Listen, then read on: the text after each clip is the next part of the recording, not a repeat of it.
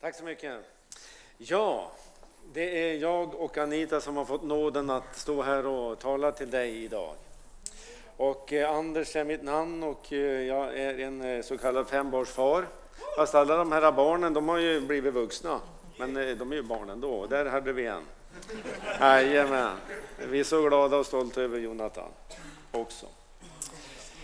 Sen jobbar jag här i, i huset. Ni ser ett, ett fönster där. Där brukar jag sitta på måndag, tisdag, onsdag. Inte hela tiden, men då, då och då kan de hitta mig där. Jag jobbar alltså som verksamhetsansvarig för Moälven Fastigheter och Service.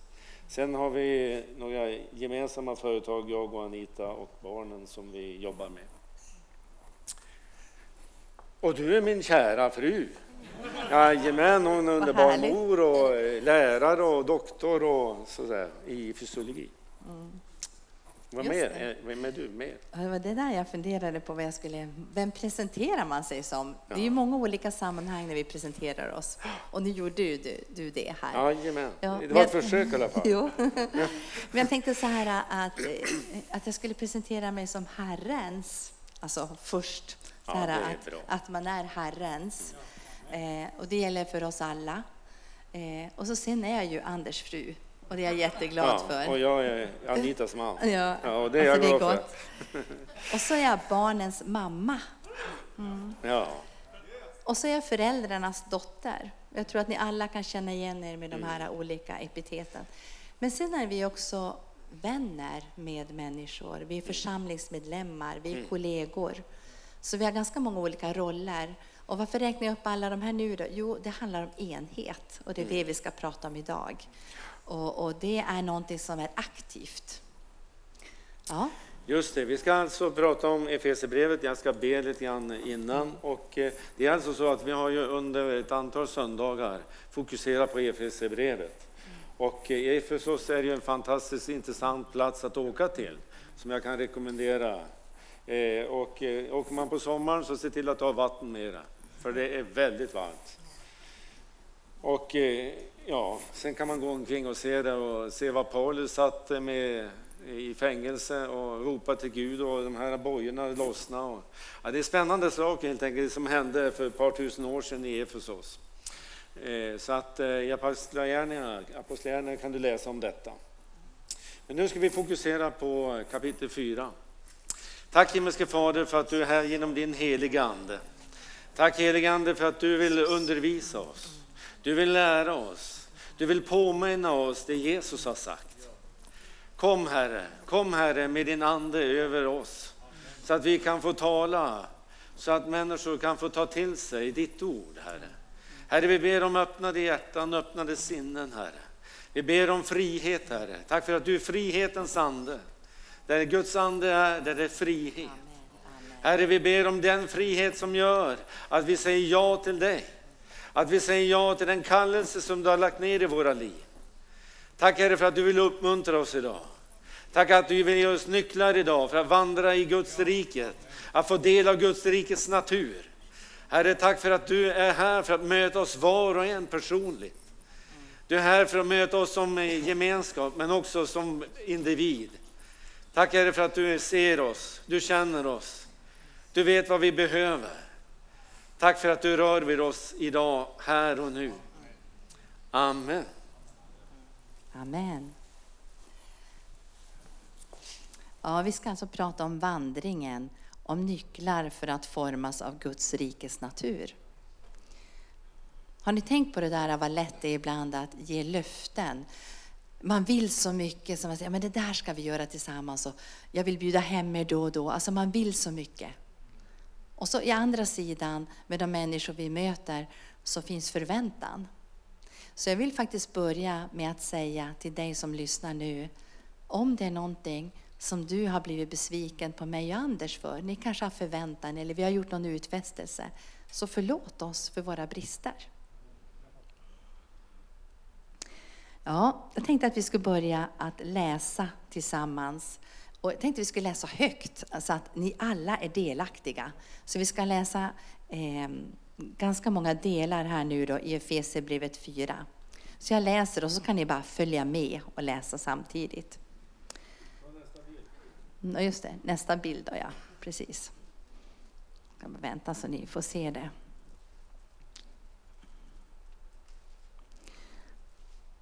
Och så när vi har läst det här, då kan du bläddra till nästa och nästa sen då. Mm. Jag uppmanar er därför, jag som fånge i Herren, att leva värdigt den kallelse ni fått. Var ödmjuka och milda på allt sätt. Visa tålamod och ha fördrag med varandra i kärlek. Var ivriga att bevara Andens enhet genom fridens band. En kropp och en ande, liksom ni alla kallades till ett hopp, det som tillhör er kallelse. En Herre, en tro, ett dop, en Gud som är allas fader, han som är över alla, genom alla och i alla. Då ska vi ta nästa bild. Vi ska läsa en hel del här inledningsvis innan jag börjar tala. Jag uppmanar er, och så läser ni med också. Jag uppmanar er därför, jag som är en fånge i Herren, att leva värdigt den kallelse ni har fått. Var ödmjuka och milda. Nej, det är jag som läser. Det nu är det jag som inte är med. Sorry! Jag tänkte, vad är det som händer här? Ja, ibland gör man fel här. Men då börjar vi. Men åt var och en av oss gavs nåden, allt efter den gåva som Kristus mätte ut. Därför heter det, han steg upp i höjden, han tog fångar och gav människorna gåvor. Detta ord, han steg upp, vad betyder det om han inte också stigit ner till jorden? Han som steg ner är också den som steg upp över alla himlar för att uppfylla allt. Och han gav några till apostlar, andra till profeter, andra till evangelister och andra till herdar och lärare. Det skulle utrusta det heliga till att utföra sin tjänst att bygga upp Kristi kropp tills vi alla når fram till enheten i tron och i kunskapen om Guds son, till ett sådant mått av manlig mognad att vi blir helt uppfyllda av Kristus. Och det är inte klart med det, ni ska få läsa lite till. För Guds ord verkar i oss. Så nu då ska jag bara kolla, då får du växla till nästa bild. Nu. Ja, då läser vi tillsammans den här slutliga texten här nu då. Vi ska då inte längre vara barn som kastas hit och dit av vågorna och som förs bort av varje vindkast i läran, när människorna bedriver sitt falska spel och i sin list förleder till villfarelse. Vi ska istället i kärlek hålla fast vid sanningen och i allt växa upp till honom som är huvudet, nämligen Kristus. Från honom får hela kroppen sin tillväxt, så byggs kroppen upp i kärlek och den fogas samman och hålls ihop genom det stöd som varje led ger, allt efter den kraft som är utmätt åt varje särskild del. Ja, det var kanske ovanligt mycket att läsa tillsammans, men jag hoppas det här ordet ska gå in i dig. Och då tar vi nästa bild. Och då ska vi prata om enheten i Kristi kropp. Och då kan man tänka, lev värdigt er kallelse. Och vad är då din och min kallelse? Det kanske du har funderat på ibland. Ja, en kallelse är väl uppenbar, den som vi kan läsa om i Markus 16 och i Matteus 28, att vi är kallade att gå ut till hela världen och berätta om Jesus och att döpa dem och, och lära dem ordet och så. Men vi har också en annan kallelse och jag tänkte faktiskt läsa för er eh, i första Tess 5, 23-24. Och nu kan ni bara lyssna. Må fridens Gud själv helga er helt och fullt och må er ande, själ och kropp bevaras hela så att ni är utan fläck vid vår Herre Jesu Kristi ankomst. Trofast är han som har kallat er, han skall också utföra sitt verk. Så vi har som en kallelse, den här utåtriktade kallelsen att vinna människor. Men vi har också en kallelse som är ansvar för vårt eget liv. Och det är där det kommer in min attityd. Hur, vilken attityd har jag till er här? Vilken attityd har jag till min man, mina barn, mina föräldrar? Och den här attityden är det jag vill stanna upp och prata med er om. Och ni ser här att vi ska vara ödmjuka och milda på allt sätt. Det där kan ju vara en utmaning. Att vi ska vara ödmjuk, det kan kosta på. För ödmjukhet och stolthet går inte hand i hand, utan är motsatser. Och jag tror att vi alla ibland kan som behöva göra upp med stolthet. Jag tror jag har berättat någon gång, om inte annat i något radioprogram, hur jag var i bön med en väninna. Och så talar den heliga Ande till mig och säger att jag ska ta och be att få bli fri från stolthet. Och den här väninnan hon är ännu mer stolt än mig, kan jag berätta, men ni vet ju inte vem det är. Och så säger jag, ska du be att bli fri från stolthet? Ja, sa jag, be för mig nu, jag vill bli fri från stolthet. Och så ber hon där för mig, och ni vet att det finns ett uttryck som heter att svälja sin stolthet, det kanske ni har hört. Vet ni att när hon bad för mig så var tappade jag andan en stund. För jag fick som inte jobba mot den här stoltheten och kände verkligen att jag blev fri. Och efter det så kan jag säga, blev lite mer ödmjuk i alla fall. Ja, de som nära mig får väl pröva det där äh, lite mer än andra. Men, men vad jag vill säga med det här, det här är någonting som vi får träna oss i. Alltså att vara ödmjuka. Och, ja, men har jag gjort fel, då får jag ta på mig det. Han jag inte göra det jag skulle, då får jag säga förlåt mig, ursäkta, men jag hann inte. Men det viktiga är ju att vi är uppriktiga. Eh, och, och, till och med att de ödmjuka ska ju vinna landet, eller ärva landet. Så visst vill vi vara ödmjuka, eller vad säger ni? Och så ska vi vara milda. Och där tänker jag också att milda, att inte vara så skoningslösa och hårda mot andra, utan gör några andra fel så är vi milda. Vi, vi, vi, vi slår inte på dem som har gjort fel, utan okej, okay, men det här hände. Försök nästa gång bara göra det bättre, att vi har ett sådant förhållningssätt.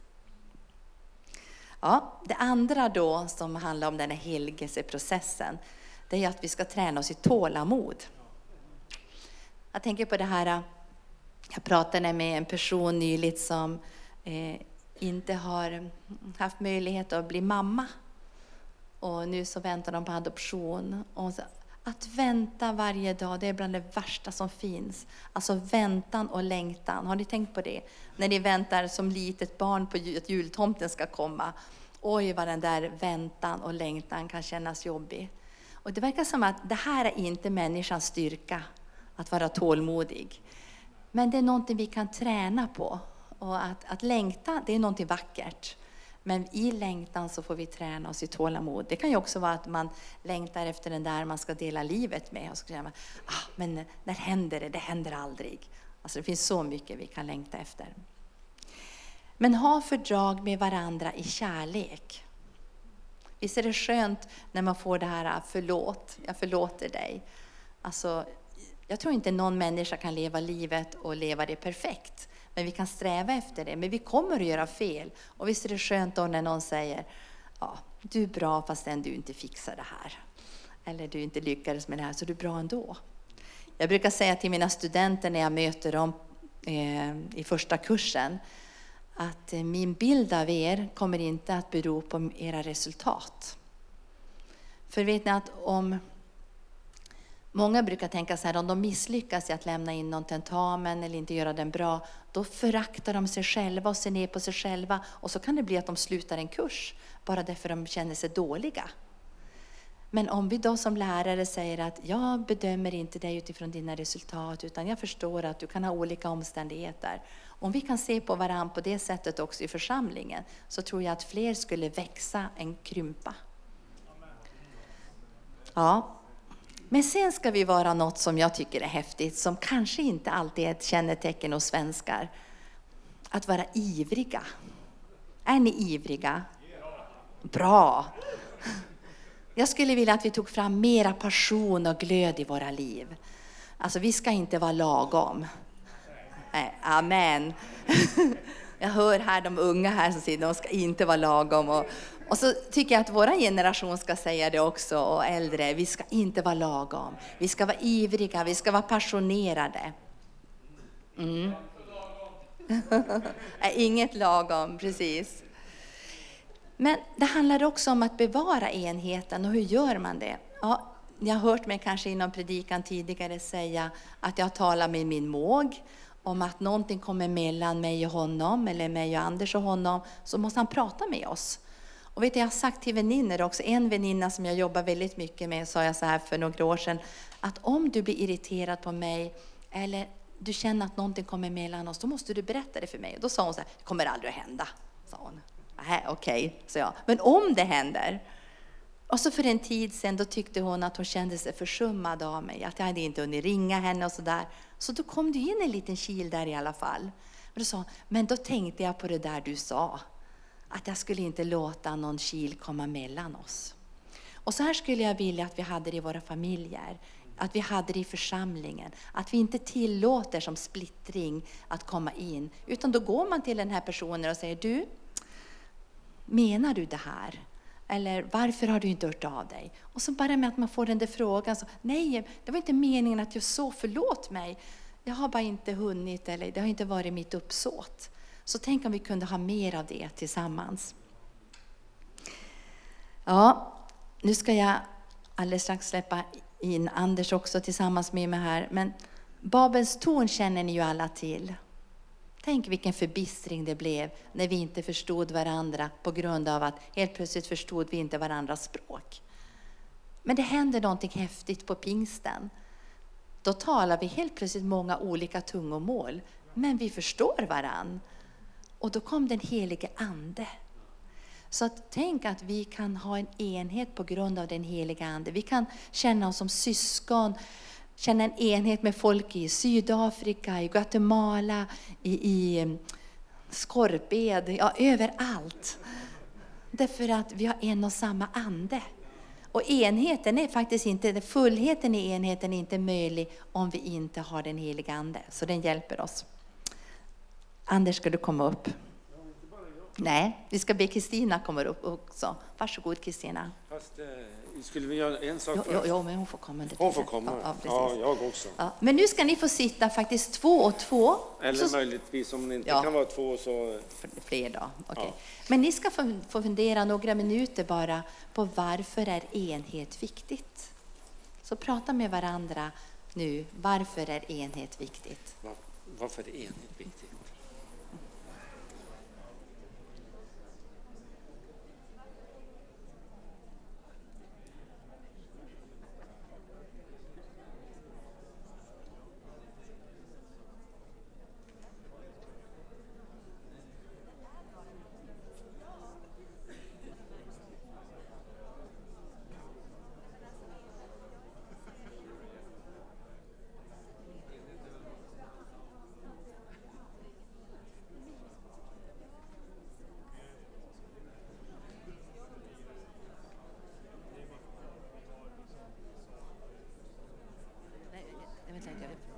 Eh, ja, ni skulle kunna få mycket längre tid på er, men ni får inte det nu. Men ni kan fortsätta att samtala om det här vid fikat. Men jag skulle vilja höra någon säga någonting om varför enhet är viktigt. Är det någon här som vill säga något? Där. Där. Miriam, de andra ska få höra dig. Vi sa så här, ja varför? Ja men det är väl en självklarhet. För att enhet, om inte det finns en enhet så finns det splittring. Så det är väl ingenting att fundera över. Det är klart att det ska vara enhet. Så sa vi. Det var ord och inga visor. Men visst var det bra? Ja. Någon annan som vill säga något? Var det någon som pratade? Ja, varsågod Hanna. Eh, det ger beskydd. Vi beskyddar varandra för vi blir starka tillsammans. Kan skydda varandra. Vackert. Hur känner ni er när ni har enhet då? Mm. Jag känner mig stark och det känns bra. Just det, precis. Och visst vill vi att det ska kännas bra? Mm. Nu ska jag och Anders illustrera någonting med Kristina. Varsågod. Får jag låna din arm? Jajamän, och du tar den. Jag tar den. Ja, precis. Hitåt ska vi. vi Nej, ska... hitåt ska vi. Nej, vi ska hitåt. hit, Nej, men hit. kom, det är klart vi ska hit. Hit ska vi. Ja, Alldeles starkt, ja, precis. men alltså, det, alltså, det här var svettigt. Ja, Men finns det ska- något annat alternativ, ja Anders? och vi kanske kan göra så här då. Oj då, Så, oj, oj, oj, vad lätt det gick nu då. Tack ska du ha Kristina. Ja, tack Kristina.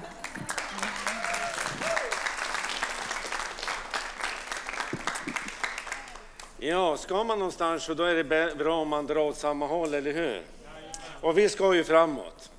Så därför drar vi framåt. Och tittar kanske någon gång bakåt, men inte för mycket. För har man satt handen vid plogen så, så ska man inte titta bakåt, utan då, då är det framåt som gäller.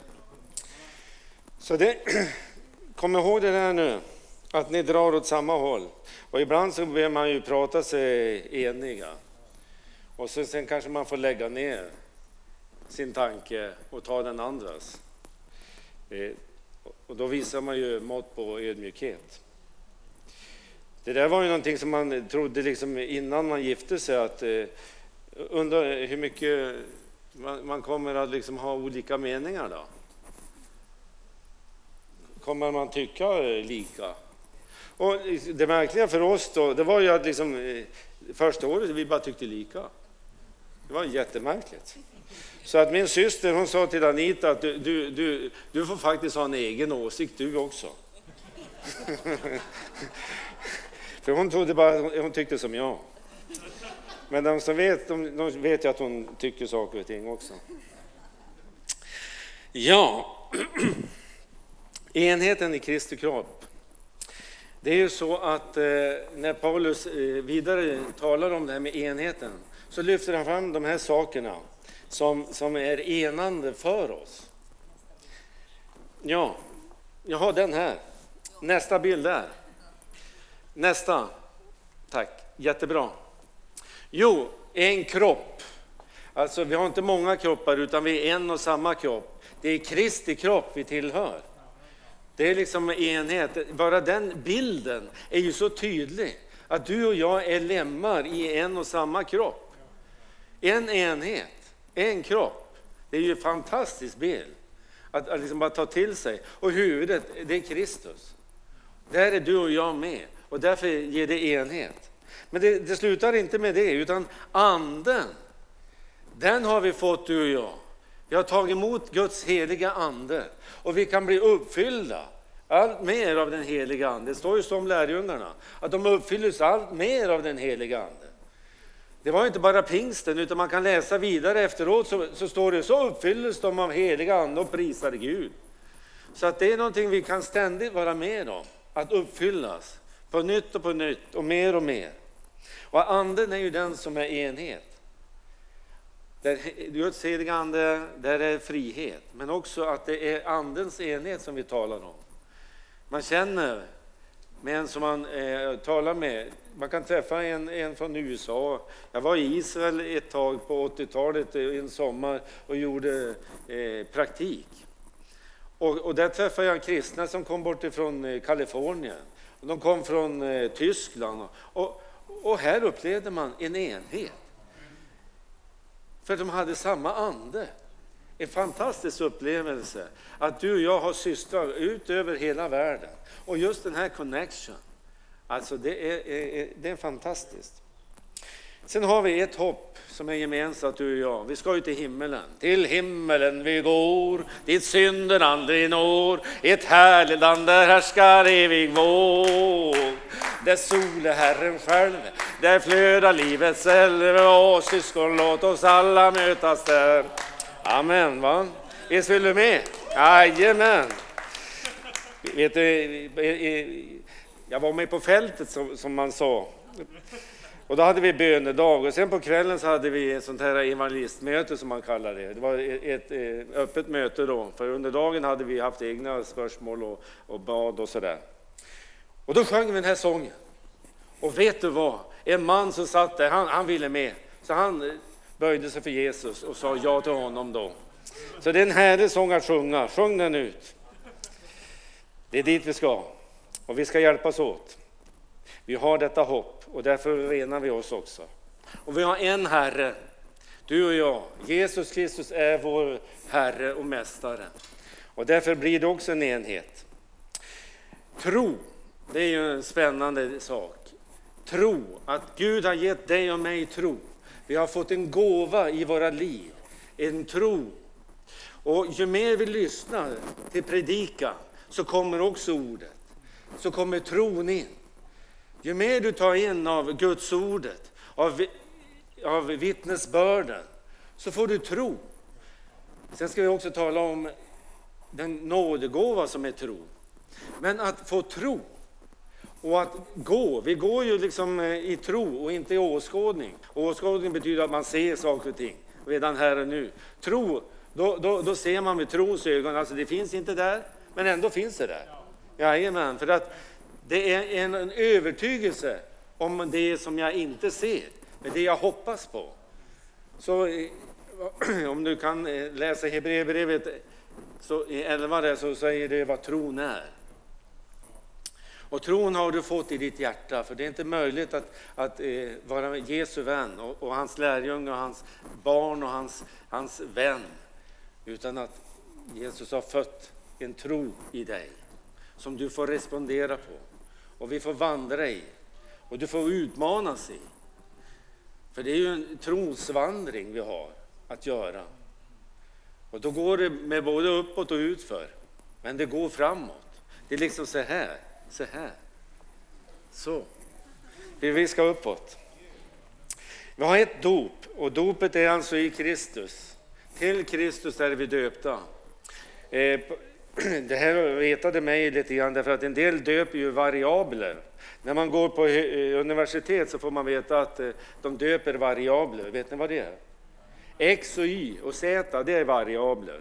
X är lika med K gånger eh, någonting. Och, och, och det tyckte jag var liksom jobbigt att de hela tiden sa sådär. Ibland säger ju en del människor som är baptister också att de döper utan att döpa, stoppa ner dem i vattnet och dra upp dem i Jesu namn. Utan det handlar ju om att dop är ett dop i Kristus. Vi nedsänks, vi kommer upp som en ny skapelse. Och vi är döpta till Kristus. Vi har inte fått vårt namn där, utan vi är döpta till Kristus. När jag var liten så, så, så då trodde jag att man fick namnet när man döptes. Och jag hade en, en, en, en kompis nere på åkern. Han var inte döpt och ändå hette han Mats. Ja, hur gick det till? Ja, men han hade ju blivit namngiven. Han hade ju fått namnet Mats, men, men han döpte sig senare. Det gjorde han. Och så Gud vår Fader, visst är det underbart att vi har en far i himmelen. Vi har en fantastisk far. Du och jag kan vara besviken på våran jordiske far, men vi har en far i himmelen. Och den som ingen far har, har ändå en far i himmelen. Tänk så gott att få omslutas av det, att få känna Guds faders kram. Att ta till sig det. Du har en far. Jag har en far. En fantastisk far i himmelen. Och vad gör en far då? Ja, han ser till att sina barn har det bra. Det gör mor också. Så att mor och far är jätteviktiga. Det vet vi därför vi, vi har upplevt det. Vi har upplevt det när det inte fungerade och vi har upplevt det när det fungerar. Och du och jag kan alltid välja att ha en lycklig barndom, sa jag. Och det tror jag på. Det gäller att välja, vad minns du? Vad vill du minnas av din mor och din far? När det gäller Gud så, så, behöver du inte minnas, du kan få uppleva det. Du kan få uppleva det dag efter dag, att han är en far att räkna med. Så det, det, det är de här sakerna som, som förenar oss, som gör oss till ett folk. Ett heligt folk som är på väg. Vi är ständigt på väg. Sen är det så att, att eh, han är ju väldigt eh, fantastisk, Herren, att han ordnar ju också saker och ting. Vi tar nästa bild alltså. Eh, olika tjänster för att du och jag ska kunna utvecklas på bästa sätt. Att du och jag blir fullmogna kristna så att vi inte åker hit eller möjligtvis dit i läran. För det kom ju olika lärovindar. Det var, det var liksom eh, eh försoningsstriden på 1800-talet, slutet av 1800-talet. Ja, det fanns det här med dopet och det fanns och det finns ju nu idag finns ju hur många olika eh, Eh, funderingar. Men tanken är att de här tjänsterna ska finnas för dig och mig så att vi växer upp. Vi läste ju det i orden här så att vi blir fullmogna och att vi inte blir ett spel för de som vill vilseföra oss. Apostel, det är alltså ett sändebud som talar i auktoritet för, för Gud. Och eh, från början tänkte man så här att, eh, att det fanns ju tolv apostlar och sen var det inga mer. För en apostel skulle också ha varit med när Jesus gick där på jorden. Men Paulus, han var ju inte riktigt med där. Men han säger att han fick ju bli apostel också. Han var ju den minsta av dem därför att han hade ju förföljt Guds församling. Men han fick se Jesus. Jesus uppenbarade sig för honom i en syn. Så vi talar ju om Paulus, alltså Saulus som blev Paulus, som apostel. Och sen har vi också eh, sagt att eh, jag menar, de som har predikat för eh, länder har blivit apostlar. Så att den här aposteltjänsten, den finns. Den finns så att eh, den är viktig. Det är inte bara då, det var då också, men det är sändebud idag också som är apostlar. Det är inte alltid så viktigt att veta om man är en apostel eller inte, men alltså det är viktigt att i, i Guds församling, i Guds kropp, om vi tänker nu i, i inte bara Cederholmskyrkan här, utan vi tänker nationellt och internationellt, att det finns apostlar i Guds församling. Profeten, en som pratar direkt ett meddelande från Gud, som är en Guds förmedlare av vad som ska komma skall. Men det är inte bara det att eh, han talar ut, utan en profet är en som ransakar skrifterna. I Petrusbrevet, första Petrus 1 och 10, så eh, handlar det just om det. Att en profet, säger Petrus här, vi kanske, jag kanske ändå skulle läsa det.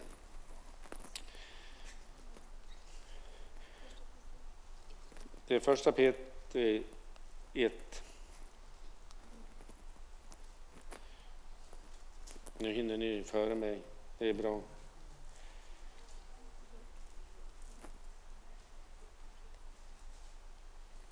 Då heter det så här.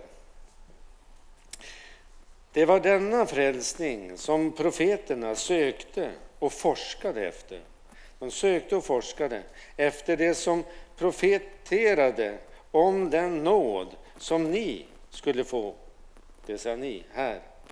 De försökte förstå vem eller vilken tid Kristi ande i dem syftade på när han förutsade Kristi lidanden och den härlighet som skulle följa. Och det, var uppen, och, och det uppenbarades för dem att det inte var sig själva utan er som de tjänade med sin budskap.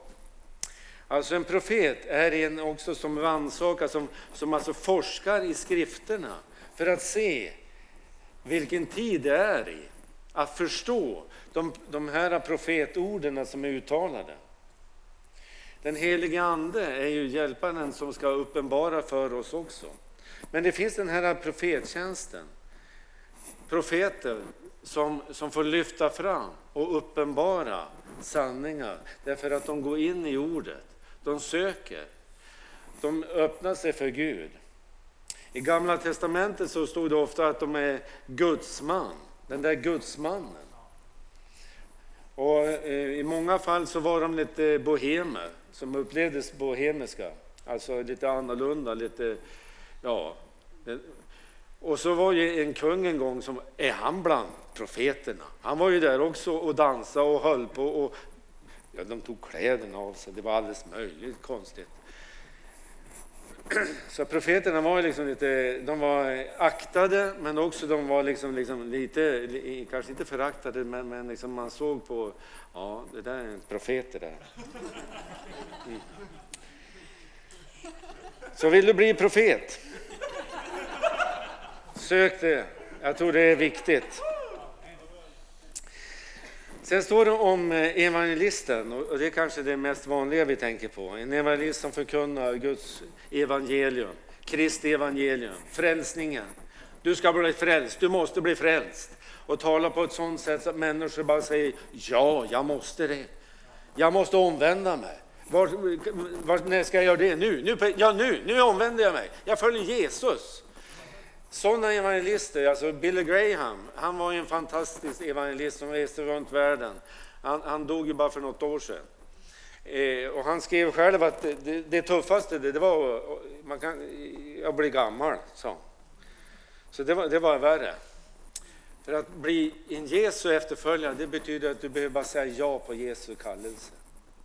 Och han älskar dig, han älskar mig. Och jag har sagt ja. Jag vill följa honom, jag vill gå med honom. Så evangelister ska vi ha, de är viktiga. Sen är det herden här. Herdeuppgiften som är så viktig. Att föda, leda, vårda, beskydda och hjälpa och vakta. Paulus han, han, han skriver liksom eh, till församlingarna och till eh, Timoteus bland annat liksom att, att herden, hur viktigt det är med herden i församlingen. Att ni, ni, ni har ju fått en jord att förvalta, att se över. Inte härska över, utan betjäna. Att ha en herde.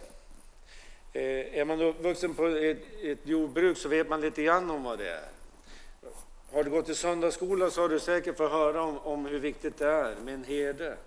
Och läser du Bibeln så är det gång på gång så kommer det upp vad herden gör och vad fåren är kopplade. Många gånger kopplas det liksom fåren och herden. Fåren känner herdens röst. Så det är en bild, en tydlig bild att du och jag är, är kända av herden. Och vi känner herdens röst.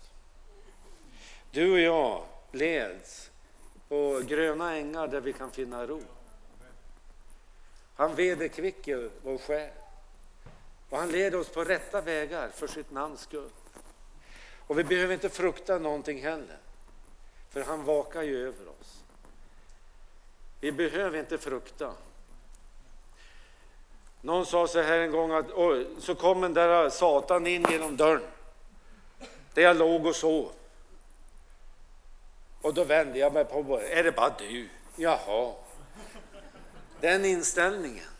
För han är ju besegrad. Den onda makten är besegrad. Sen kan det vara naturligtvis dallrande om det står någon med en pistol framför en och, och hotar en. Men du och jag, vi är beskydda. Guds nåd ligger över ditt och mitt liv så länge vi vill det. Ett skydd. Herren är din herde, du skall inte fattas. Sen har vi läraren. Och många har vi ju upplevt lärare i våra skolor. Och lite grann av det är också det läraren eh, i den här meningen. Men framförallt handlar det om eh, att bevara läran, att se över att rätt lära lärs ut. Att vaka över läran. Så att inte det är främmande läror som kommer in. Utan är tydliga att det här är den rätta läran. Det handlar också om naturligtvis att förmedla läran. Att tala så att människor förstår. Och det, eh, genom tiderna så kan ju vi behöva förändra det här för att, att nå, så att man förstår. Och ibland så är det bra att, att man bara säger så där så man nästan förstår, så man får tänka lite själva. Så man får fundera lite. För när man får fundera lite då är det bättre chans också att det stannar hos en. För liksom, eh, det är så lätt att det bara flyger förbi, utan eh, att man får stanna upp och fundera. Vad menar karln? Eller vad menar Gud i det här fallet? Eller vad menar hon? Vad är det hon säger egentligen? Att vi utmanas.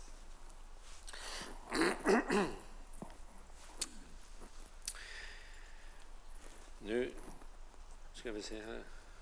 Tryckte jag på fel knapp själv här.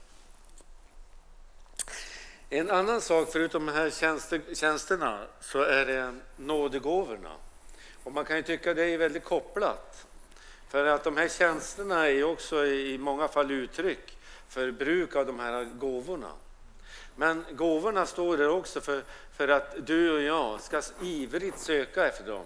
Och jag hörde ju tidigare här att ni sa att ni var ivriga. I alla fall en del av er. Det handlar om att vi ska vara på alltså. Inte, inte lay back, utan på. För att visa att vi vill ha. För den som ber, han får. Och ber man om någonting så får man ju det. Och det här uppmanades vi ungdomar när jag var ungdom att vi skulle be om de här sakerna. Så jag, jag tänkte, jag, jag ber om att, att få tala tung, jag ber om att få uttyda, jag ber om att få profetera. Och så tänkte jag, när ska det hända då? Ja, vad, vad, när ska det bli? Jag bad och bad och funderade, när ska det bli då? Tålamod. Jajamän, tålamod. Tålamod. Men man får fortsätta vara ivrig och be. Och så upplevde jag anden stort där, pang bara. Oj, eh, jag skakade och vibrerade och, och jag hamnade i, i, i, som i en kramp. Och tänkte, vad är det här för någonting? Det var ingen som, jag hade inte förstått att det var ett anden stod förrän senare. Jag bara uppfylldes av den heliga anden. Och sen då, så, så jag hade ju bett om de här gåvorna.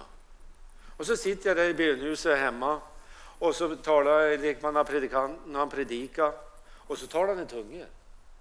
Han talar i tungor, då vet vi. Då är det någon som ska uttyda. Vad spännande. Vem är det? Vem är det som sitter här och uttyder en gåva? För han säger så, då, den här predikanten. Du som har uttydningens gåva, uttyd. Det blev tyst. Det blev tyst. Och jag satt där och tänkte, är det jag? Då må ju någonting hända så att jag begriper att det är jag. Och då kom den där kraften över mig igen. Och jag, jag bara fylldes upp. Och vad ska jag säga då? Ja, jag hade ju inte fått så mycket undervisning så jag sa det jag fick i mina tankar. Jajamän, så gjorde jag. Och sen gick jag ut och var själaglad. Jag bara sprang ner på åkern och prisade Gud. Jag hade ju fått gåvan, jajamän, att uttyda. Så nu var det liksom det här med att tala tungor och profetera. Ja, om man uttyder så är ju nästan en profetia. Eller hur? Jajamän. Glad och hågen åkte jag till Luleå och där träffade jag en eh, kompis och hon sa ju att du ska ju tala i tungor. Då. Ja, jag har ju bett om det. Så efter gudstjänsten åkte jag hem och så sitter jag där och ber. Och så, och så tar jag fram skolböckerna. Nej, de är så tråkiga. Ja, det var, kändes så då. Det var tråkigt. Och så, och så, och så börjar jag be och så börjar jag tala i tungor. Kan man sluta då tror ni?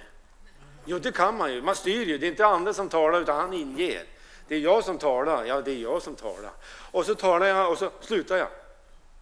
Och så börjar jag igen. Ja, det fungerar.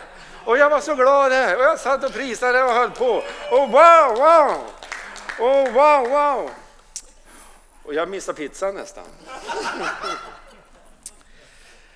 Och sen då tänkte jag, varje gång jag får på en gudstjänst, nu ska jag profetera. Nu ska jag ta tungor och, och, och, och sen ska jag uttyda. Så jag var farlig ett tag där. Varje möte jag for på, nu ska jag... Och, och så mitt här i stan i Övik åkte jag på gudstjänst, alltså på julkonsert. Med samma tanke. Käre gode Gud. Och så kommer det kraften över mig. Jag vågade inte gå fram till, till prästen där framme utan jag ställde mig upp och så... Och, alltså det ska man kanske inte göra, man skulle ju våga gå fram. Så, så får du det här så gå fram till, till eh, mötesledningen och prata med dem. Det, det, är mycket bättre. Men jag ropade ut i tungor och sen uttydde jag. Och folk blev ju förskräckta. Det, det kan man ju förstå. Så jag hoppas, om du var där och blev skrämd, förlåt mig. Jag, jag var bara så ivrig. Jag bara var så ivrig att förtjäna Gud. Du kanske inte har eh, den läggningen så, men var ivrig. I den stilla, lilla gruppen eller i den stora. Var frimodig att få eh, vara verksam i de här gåvorna. Trons gåva, kraftgärningens gåva. Sök! Och för den som söker han finner. Du får. Och sen är det bara att få tillfälle. Att nästa gång så ska du vara tjänst i de här sakerna. Och ni tjejer, ni kommer ju absolut inte undan. För det står ju att ni, de unga kvinnorna ska profetera. Ja, Den ena efter den andra. Vet du, jag var i, i, borta i det här bönecentret som jag tycker ni ska åka till i Levanger någon gång. Och så satt vi där nere. Och så ställde de sig på, på en rad där framme. Eh, och så bara profeterade de, den ena efter den andra. Jag har ett budskap till dig och så pekar de och så, och så det var ju fascinerande. Och så frågar de så här också på ett annat möte, är det någon som vill bli profeterad över? Då tänkte jag så här, nu sitter ingen. Jo, då flupp, flupp, flupp, flupp, flög, flög de upp. Ena efter den andra som ville bli profeterad över. Och så stod de där framme och profeterade. Och de här hade förberett sig i bön och, och, och stillhet inför Gud. Så de profeterade över de här människorna.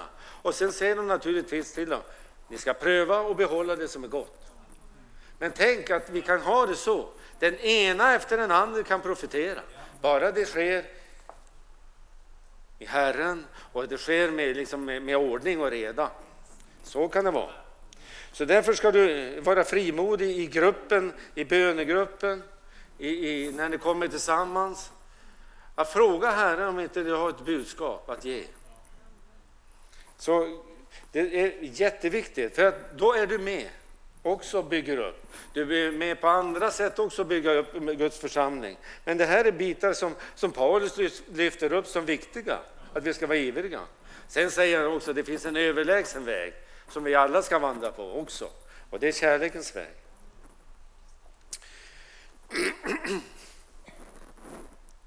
Och jämmer. Tiden har gått. Käre gode Gud, tack för din nåd. Jag ska, eh, eh, vi har ju läst delar av Efesierbrevet. I slutet så handlar det om det här nya livet i Kristus. Att lämna ett gamla liv. Att låta oss förnyas. Att du och jag förnyas i våra tankar och sinne. Sinne är alltså det vi känner, det vi upplever, det vi, vår vilja är. Att det får förnyas. Och i, i Romarbrevet 12 så står det liksom att vi ska frambära oss själva som ett offer åt Gud och så att vi då förnyas i våra tankar. Och det, vi ska inte bry oss om den här gamla människan så mycket, gammal Adam, utan han får dö. Utan vi ska klä i oss den nya människan. Det står så det är jättebra att klä er i den nya människan istället. Och gör liksom, sikta in på vad det handlar om. Och då läser jag bara från vers 25. Vi tar och eh, går eh, ett steg framåt här, så nästa också då. Och förbi den där. Då. då står det så här då. Lägg därför bort lögnen och tala sanning med varandra. Vi är ju varandras lemmar. Grips ni av vrede, så synda inte. Låt inte solen gå ner över er vrede och ge inte djävulen något tillfälle. Så det är så jätteviktigt att vi liksom ja, håller emot där. Vi, vi, vi ger inte djävulen tillfälle.